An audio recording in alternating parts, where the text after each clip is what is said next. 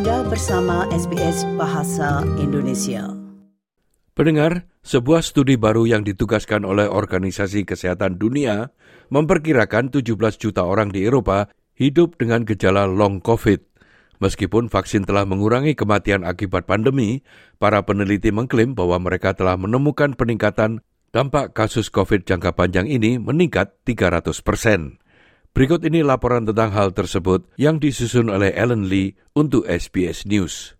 Pada bulan Maret tahun 2020, ketika virus corona baru mulai menyebar ke seluruh dunia, berbagai tindakan untuk membendung virus ini diberlakukan di banyak negara ketika pemerintah berusaha memerangi penularan baru dan mengurangi kontak antar manusia.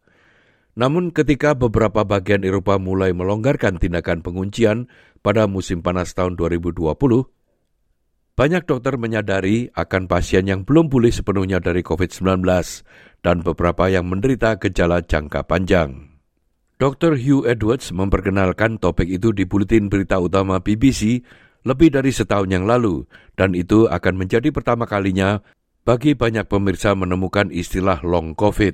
Now, the head of the NHS in England says that hundreds of thousands of people could be suffering the effects of what is now known as long COVID. For most people, COVID 19 is a relatively mild illness which uh, passes quickly. But many others are left struggling with symptoms for months afterwards. Para dokter menggambarkan gejala dari long COVID termasuk kelelahan, nyeri tubuh, perubahan suasana hati, masalah kognitif, dan sesak napas. Seorang penderita, Alexandra Marton Krenek, menjelaskan ia mulai menderita gejala long COVID pada bulan Agustus 2020. Things kept getting worse. The scariest thing was that nobody knew what was happening.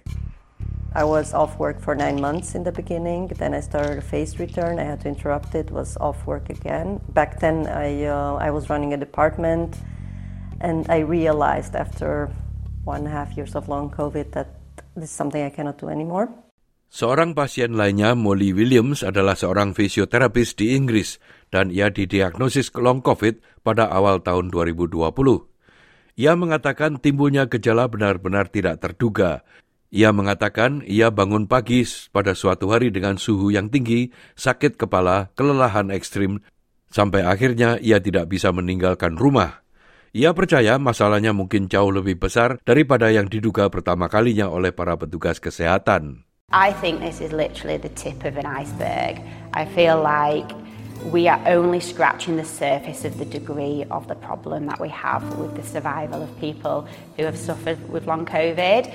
And I'm quite proud to be that person that hopefully can give other people hope and motivation that although there's some very dark times, there can be a light and you can find your identity again. Dr. Catherine Smallwood dari Organisasi Kesehatan Dunia mengatakan bahwa keadaan yang dialami oleh Williams memang benar. WHO menugaskan laporan dari Institute of Health Metrics and Evaluation yang mengatakan sebanyak 17 juta orang mungkin menderita long COVID antara tahun 2020 dan 2021. Many diseases are mysteries, and it takes a while for us to gather the information, understand how the disease is affecting our human bodies. And finally, that's happening now. There is an acceleration, and we're starting to see the fruits of that research. Much more needs to be done. But what is clear is that the results of the research that has been taken place is validating what patients have been telling us since early 2020. And this is a real disease, it must be recognized, and it must be treated. WHO menyerukan pemerintah dan otoritas kesehatan untuk memusatkan perhatian pada gejala COVID jangka panjang dan orang-orang hidup dengannya dengan berbagi data. Vaksin mencegah gejala COVID-19 yang parah, namun Dr. Smallwood mengatakan ini belum tentu merupakan perlindungan akibat COVID yang berkepanjangan.